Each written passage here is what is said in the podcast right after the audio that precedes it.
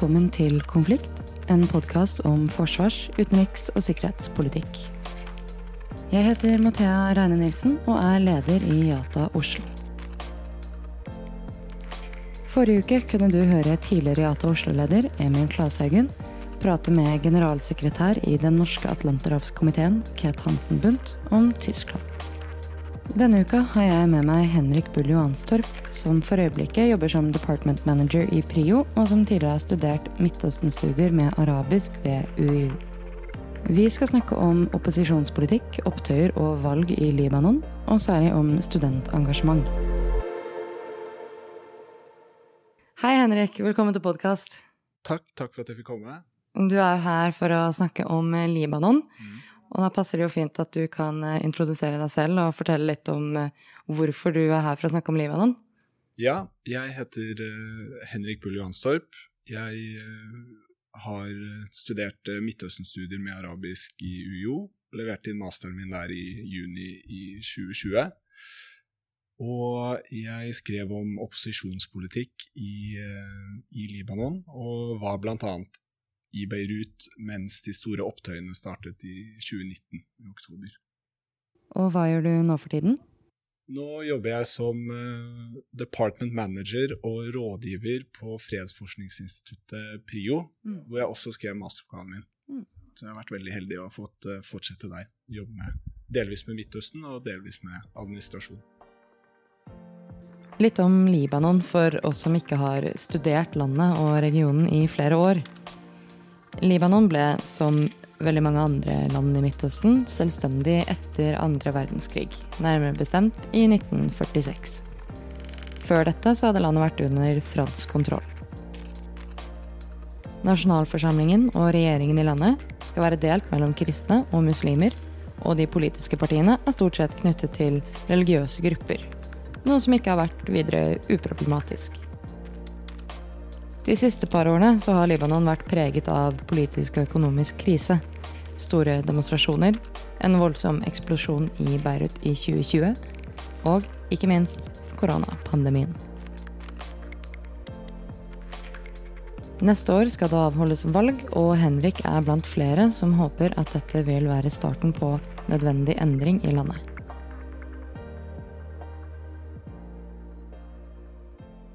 Var det som eh, fikk deg til å interessere deg for Libanon i utgangspunktet? Eh, det var egentlig fordi vi var på en eh, gjennomreise da vi først skulle til Egypt på utveksling under bacheloren. Og så skulle vi innom et par land på veien for å titte litt. Vi var nye bachelorstudenter på Midtøsten-studier. Ingen av oss hadde egentlig vært noe særlig i Midtøsten, så vi følte vi hadde en liten plikt til å se oss litt rundt da, mens vi først var der nede. Og da var vi ti dager i Libanon og reiste veldig mye rundt. Tenkte jøss, for et uh, flott land. Og hadde også hatt et veldig bra fag på uh, UiO som handlet om Libanon, med Tine Gade, som jobber på Nupina.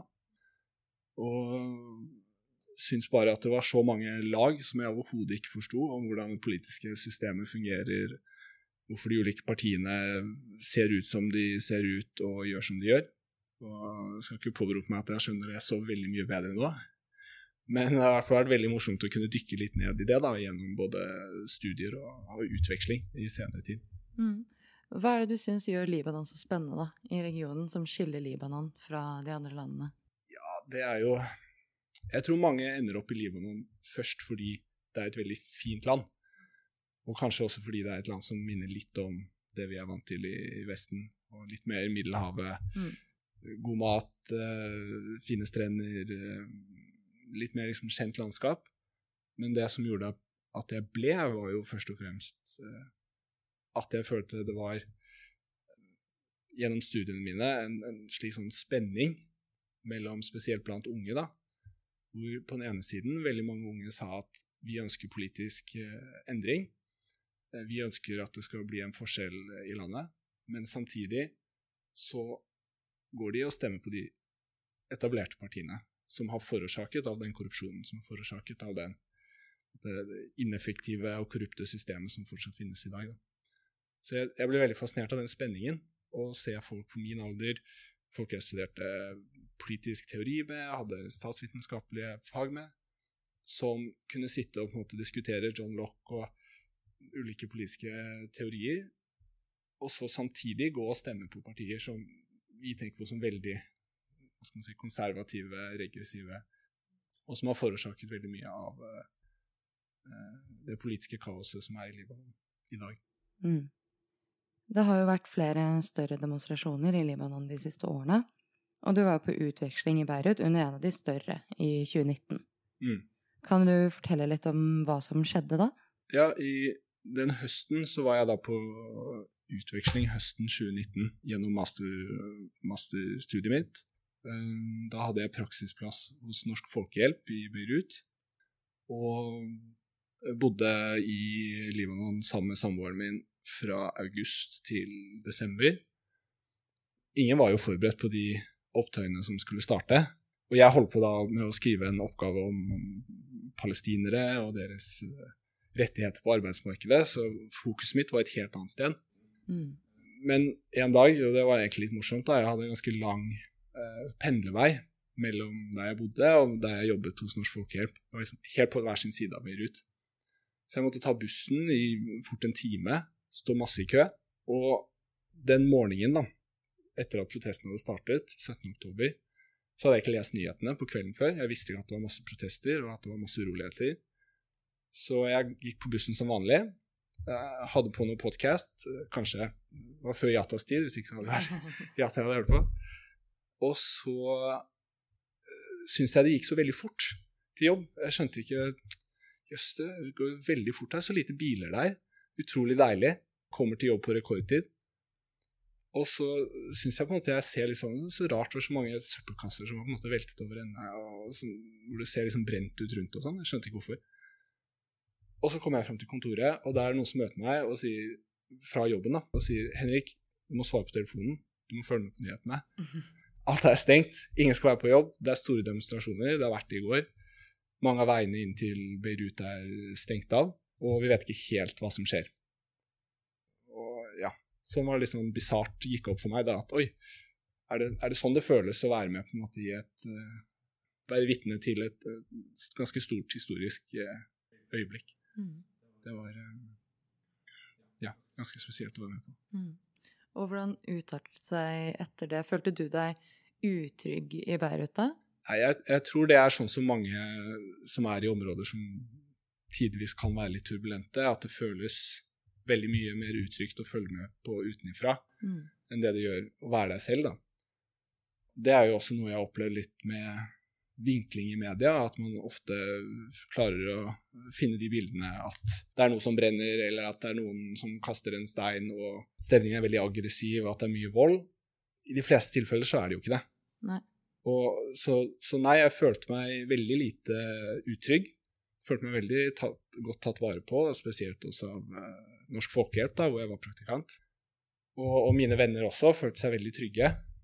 Og da var det jo spesielt i dette området rundt uh, Martyrplassen mm. i sentrum av Beirut, da, hvor de største demonstrasjonene skjedde. Spesielt i starten så var det jo nesten litt som en folkefest.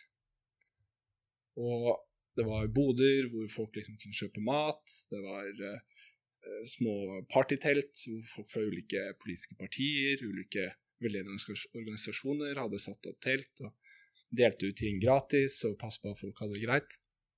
Og på kvelden så var det jo fest. Ja. Og med DJ-er og musikk og en veldig sånn håpefull måte, atmosfære, da. Mm. Og det var det også veldig spesielt å være med på. Spesielt når en del av dekningen man ser, er at ok, her er det nok en gang en måte demonstrasjoner og nok en gang uroligheter i Midtøsten, mens fra innsiden så, så det jo på en måte ut som her er det veldig mange mennesker som samles på tvers av ulike religiøse bakgrunner, ulike økonomiske bakgrunner, mm. som samler seg om eh, ja, Prøve å tenne en gnist av håp da, i et ganske sånn, håpløst eh, politisk system. Og hva, hva, var håpet? Jeg tror håpet var eh, å bli kvitt det politiske systemet som har eh, gjort at Libanon har gått veldig i lås, og at Libanon ikke klarer å utvikle seg økonomisk, politisk. Og så det politiske systemet i Libanon gjør jo at ulike seter i parlamentet og i offentlige etater er um, kvotert basert på religiøs tilhørighet. Og det setter en del premisser for uh, hvem som kommer til makten. Men et større problem er at de som klarer å vinne de plassene, de er uh, mange av de tidligere militsgrupper som kjempet under den 15 år lange borgerkrigen i Libanon fra 1975 til 1990. Det er stort sett de som fortsatt sitter ved makten, og som ikke er redd ved å hytte ved nevene og kanskje finne fram våpen også, eh, hvis de ikke får viljen sin. Så det er en veldig skjør balanse, hvor man egentlig blir enig om at ok, det er ingen som kommer til å vinne denne borgerkrigen, så la oss alle lage våre egne småkongedømmer i Libanon, hvor vi hver sitter på vår egen lille uh, del av regjeringskaka da, og pengene til, til staten, og fordeler det mellom oss. og har en slags balanse hvor ingen på en måte har alt, men alle har litt, med unntak av si, vanlige mennesker, da, i gåseøynene. Fordi det avholdes jo valg med ujevne mellomrom. Mm. Og hva tror du er grunnen til, som du sa i stad, disse som demonstrerte for endring, sånn forholdsvis radikal endring sammenlignet med hvordan det ser ut nå? Hva tror du er grunnen til at de så går og stemmer på de da mer konservative partiene som bare vil videreføre det eksisterende systemet? Ja, jeg, jeg syns det er et veldig godt spørsmål, og, og, det var egentlig noe av litt utgangspunktet for, utgangspunktet for uh, masteroppgaven min også. Jeg syns det var så spesielt, da, den dynamikken. Og, og, jeg tror det er veldig mange svar på det, og delvis så er det jo fordi disse partiene tilbyr noe som måte den ikke-eksisterende velferdsstaten ikke har. Mm. Libanon er ikke en velferdsstat. Libanon deler ikke ut eh, goder til alle. Det er ikke godt, god skolegang til alle som trenger det. Det er ikke godt eh, helsetilbud. Det er ikke jobber til alle. Så det, måte, det sosiale sikkerhetsnettet er så å si ikke-eksisterende. da. Og da velger veldig mange å gå til de politiske partiene som de tilhører, ofte liksom ved fødsel, fordi de er født inn i en religion, de er født inn i en uh, provins, uh, en del av landet, hvor et parti dominerer. Så hvis du trenger en jobb, da, eller du, barnet ditt uh, trenger en vaksine, eller du trenger mat, eller bestemoren din trenger å komme seg inn på sykehuset og få kreftbehandling, så må du da fort gå til den lederen for det politiske partiet, lokale lederen, banke på døra og liksom trygle litt om å få lov til å ja, få disse ulike godene. Mm. Og da er ofte prisen av det at du må stemme på partiet. Mm. Så det er et veldig sånn klientelistisk eh, system, da. Kjempekorrupt. Og den politiske eliten, altså de ulike etablerte politiske partiene som har sittet nå i flere tiår, de har jo da jobbet seg hele den tiden liksom akkumulert all den velferden som finnes i, i Libanon, og lagd igjen da disse små kongedømmene, hvor de deler ut til sine støttespillere. Mm. Så det er et ganske stort steg å stemme på noen andre enn de. Mm. Fordi hvis du ikke stemmer på din egen leder, så kaster du egentlig bare bort velferdsgodene dine i, i ingen steder. For hvis du stemmer på et annet politisk parti, så betyr det bare at de fra den gruppen kommer til å få mer av kaka, og din gruppe kommer til å få mindre. Mm. Også som en del av bildet her er jo også at opposisjonspartier har veldig vanskelig for å eh, bygge seg opp. Og Det er det også sammensatte grunner til. da. Men en av de er jo fordi de etablerte partiene jobber veldig hardt for å ødelegge alle forsøk på å skape en sterk opposisjon. Mm. Og fordi dette liksom, klientelistiske, korrupte systemet har forplantet seg veldig dypt i samfunnet. Så det er ikke bare korrupte politiske partier som kun dukker opp når det er valg, og så si, er de korrupte opp på et veldig sånn, høyt politisk nivå. Det går på en måte helt fra toppen der til religiøse institusjoner, til eh, sivilsamfunnsorganisasjoner, til eh, ja, fagforeninger, til studentpolitikk, til eh, veldig mange forskjellige deler av samfunnet, da, hvor disse partiene forsøker å skape et nettverk av korrupsjon og klientelisme. Mm. Så med andre ord da, så finnes det ganske få plattformer hvor en opposisjon faktisk kan bygge seg opp og, og prøve å skape en samlet front. Og det som ofte da skjer, er at man kommer til valg, så er det ikke en god opposisjon. Det er kanskje mange opposisjonspartier, men det eneste de har til felles, er at de ikke er en del av den tradisjonelle eliten. Det er ganske tynt grunnlag for å på en måte lage en valgplattform på. Mm. Og så ender de med å gjøre det ganske dårlig. Ofte er det en ganske lav valgdeltakelse i landet også, som igjen de etablerte partiene vinner på. Og så er det jo en del renspikka på en måte, bestikkelse, da, og kjøpe av stemmer. Mm. Så det er jo sånn på en måte det tralten har gått i ganske mange år. Og så ser man jo nå mot mai 2022, om et drøyt år, hvor det skal holdes valg på nytt. Håpet, jeg håper i hvert fall, det er mange som, libanesere som håper det samme, at kanskje denne gangen da, mm -hmm. blir gangen hvor opposisjonen klarer å, å bygge seg litt opp. Mm. Og det er noen små på en måte gnister av, av håp, noen, indikasjoner på at det kan skje. Mm. Klarer du å male et bilde for oss, eh, for oss, nordmenn, som er vant med ganske uengasjerende og tidvis eh, fargeløs studentpolitikk, hvis det er lov å si, mm. av eh, studentengasjementet i Libanon? Mm. Fordi du har jo beskrevet det som ganske unikt. Ja. Jeg, det var jo også en av grunnene til at jeg ble så fascinert av akkurat dette temaet, da, med mm. Studentpolitikk. Fordi jeg kommer fra Oslo, Universitetet i Oslo. Der visste jeg knapt at det fantes noe som het studentvalg. Det var veldig sånn, det var noe som dukket opp en gang i året. Da kan du snakke om lav oppslutning, da. Ja, det er lav oppslutning.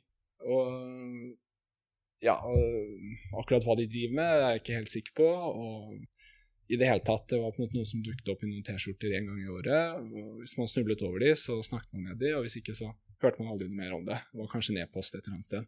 Mm, ja. Men da jeg kom til Libanon da, og var der på utveksling, først på uh, Lebanese American University og så på American University of Beirut, uh, så var jo det noe helt annet. Mm.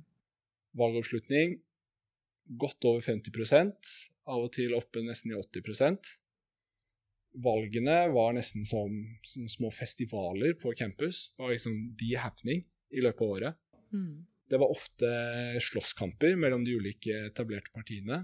Og rundt når valgdagen nærmet seg, så kjørte ofte de ulike partiene, f.eks. Hizbollah, da, med store bilkortesjer rundt universitetene med, med liksom sine flagg, og flagret rundt og liksom skulle vise litt uh, muskler.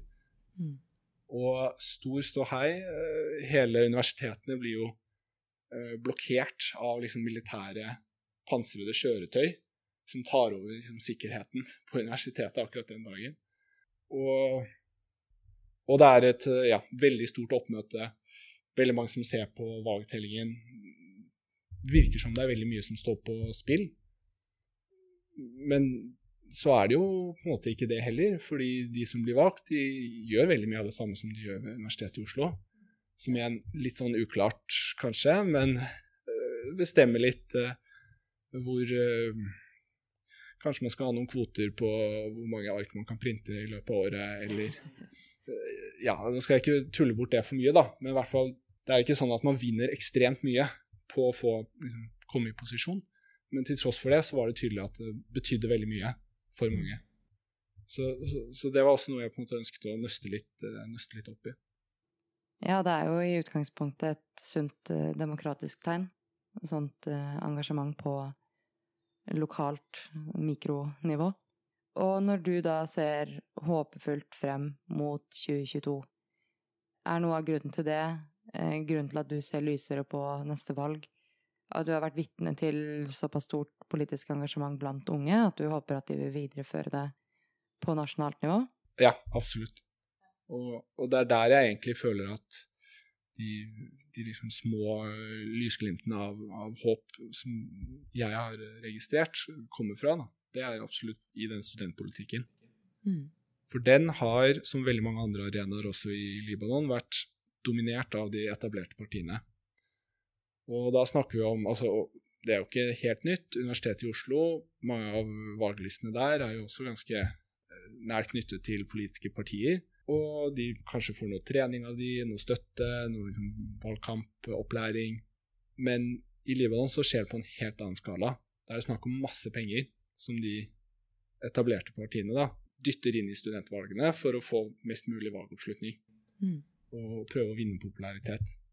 Så det er et skikkelig maskineri som er supervelolja.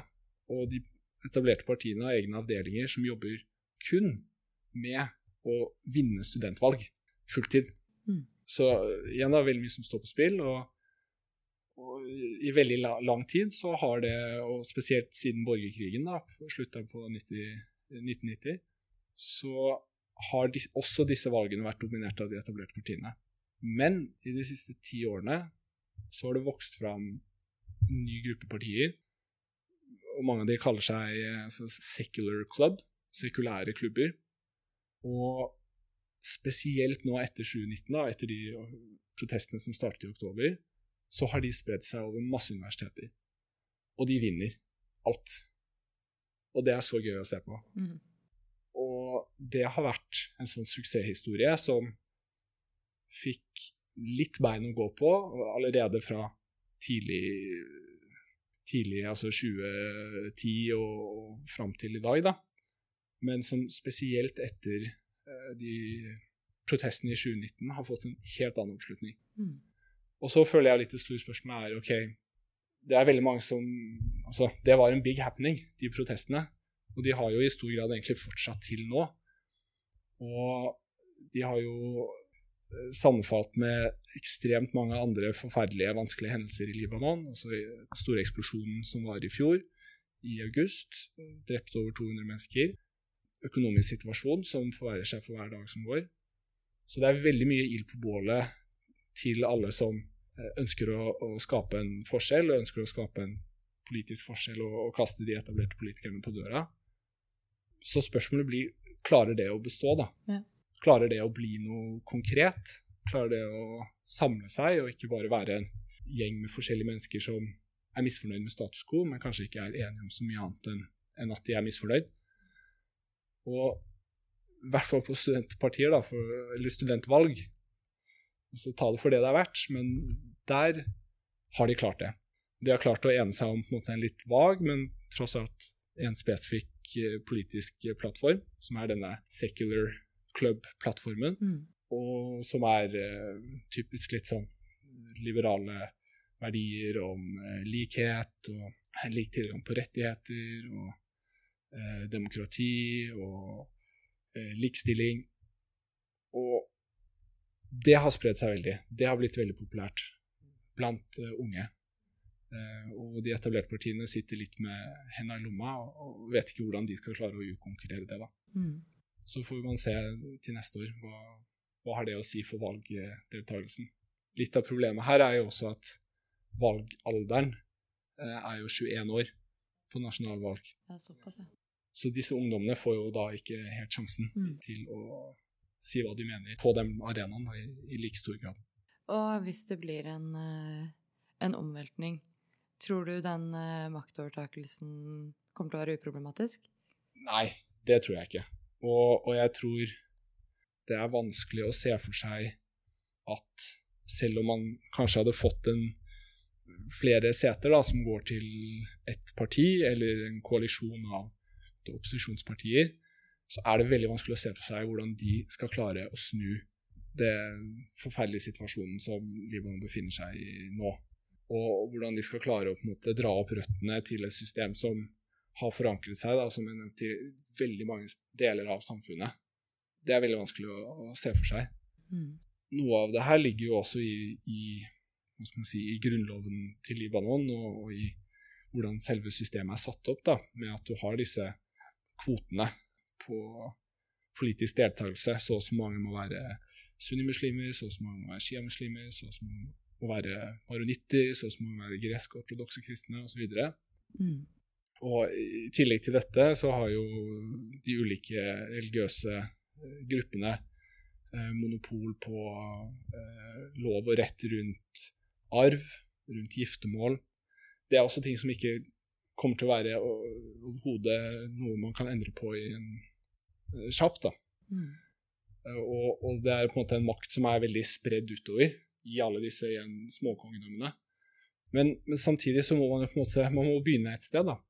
Og, og jeg tenker på en måte at man må være håpefull der man kan, på de tingene man kan. Og det man kan håpe på nå aller først, er jo at uh, Libanon klarer å få en, en, faktisk regjering som kan styre fram til valget.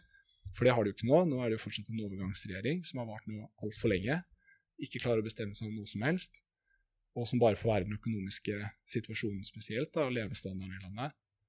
Så man må håpe at det kommer på plass. Og så får man også håpe at det momentumet som man har sett i eh, studentvalgene, men også i fagforeningsvalg, eh, hvor opposisjonspartier klarer å eh, organisere seg da, og mobilisere seg, at det er noe som faktisk klarer å fortsette fram til eh, mai 2022 også. Mm. Og så får man jo se derfra, da, hva er, det, hva er det de har faktisk mulighet til å gjøre hvis de blir valgt inn. Mm.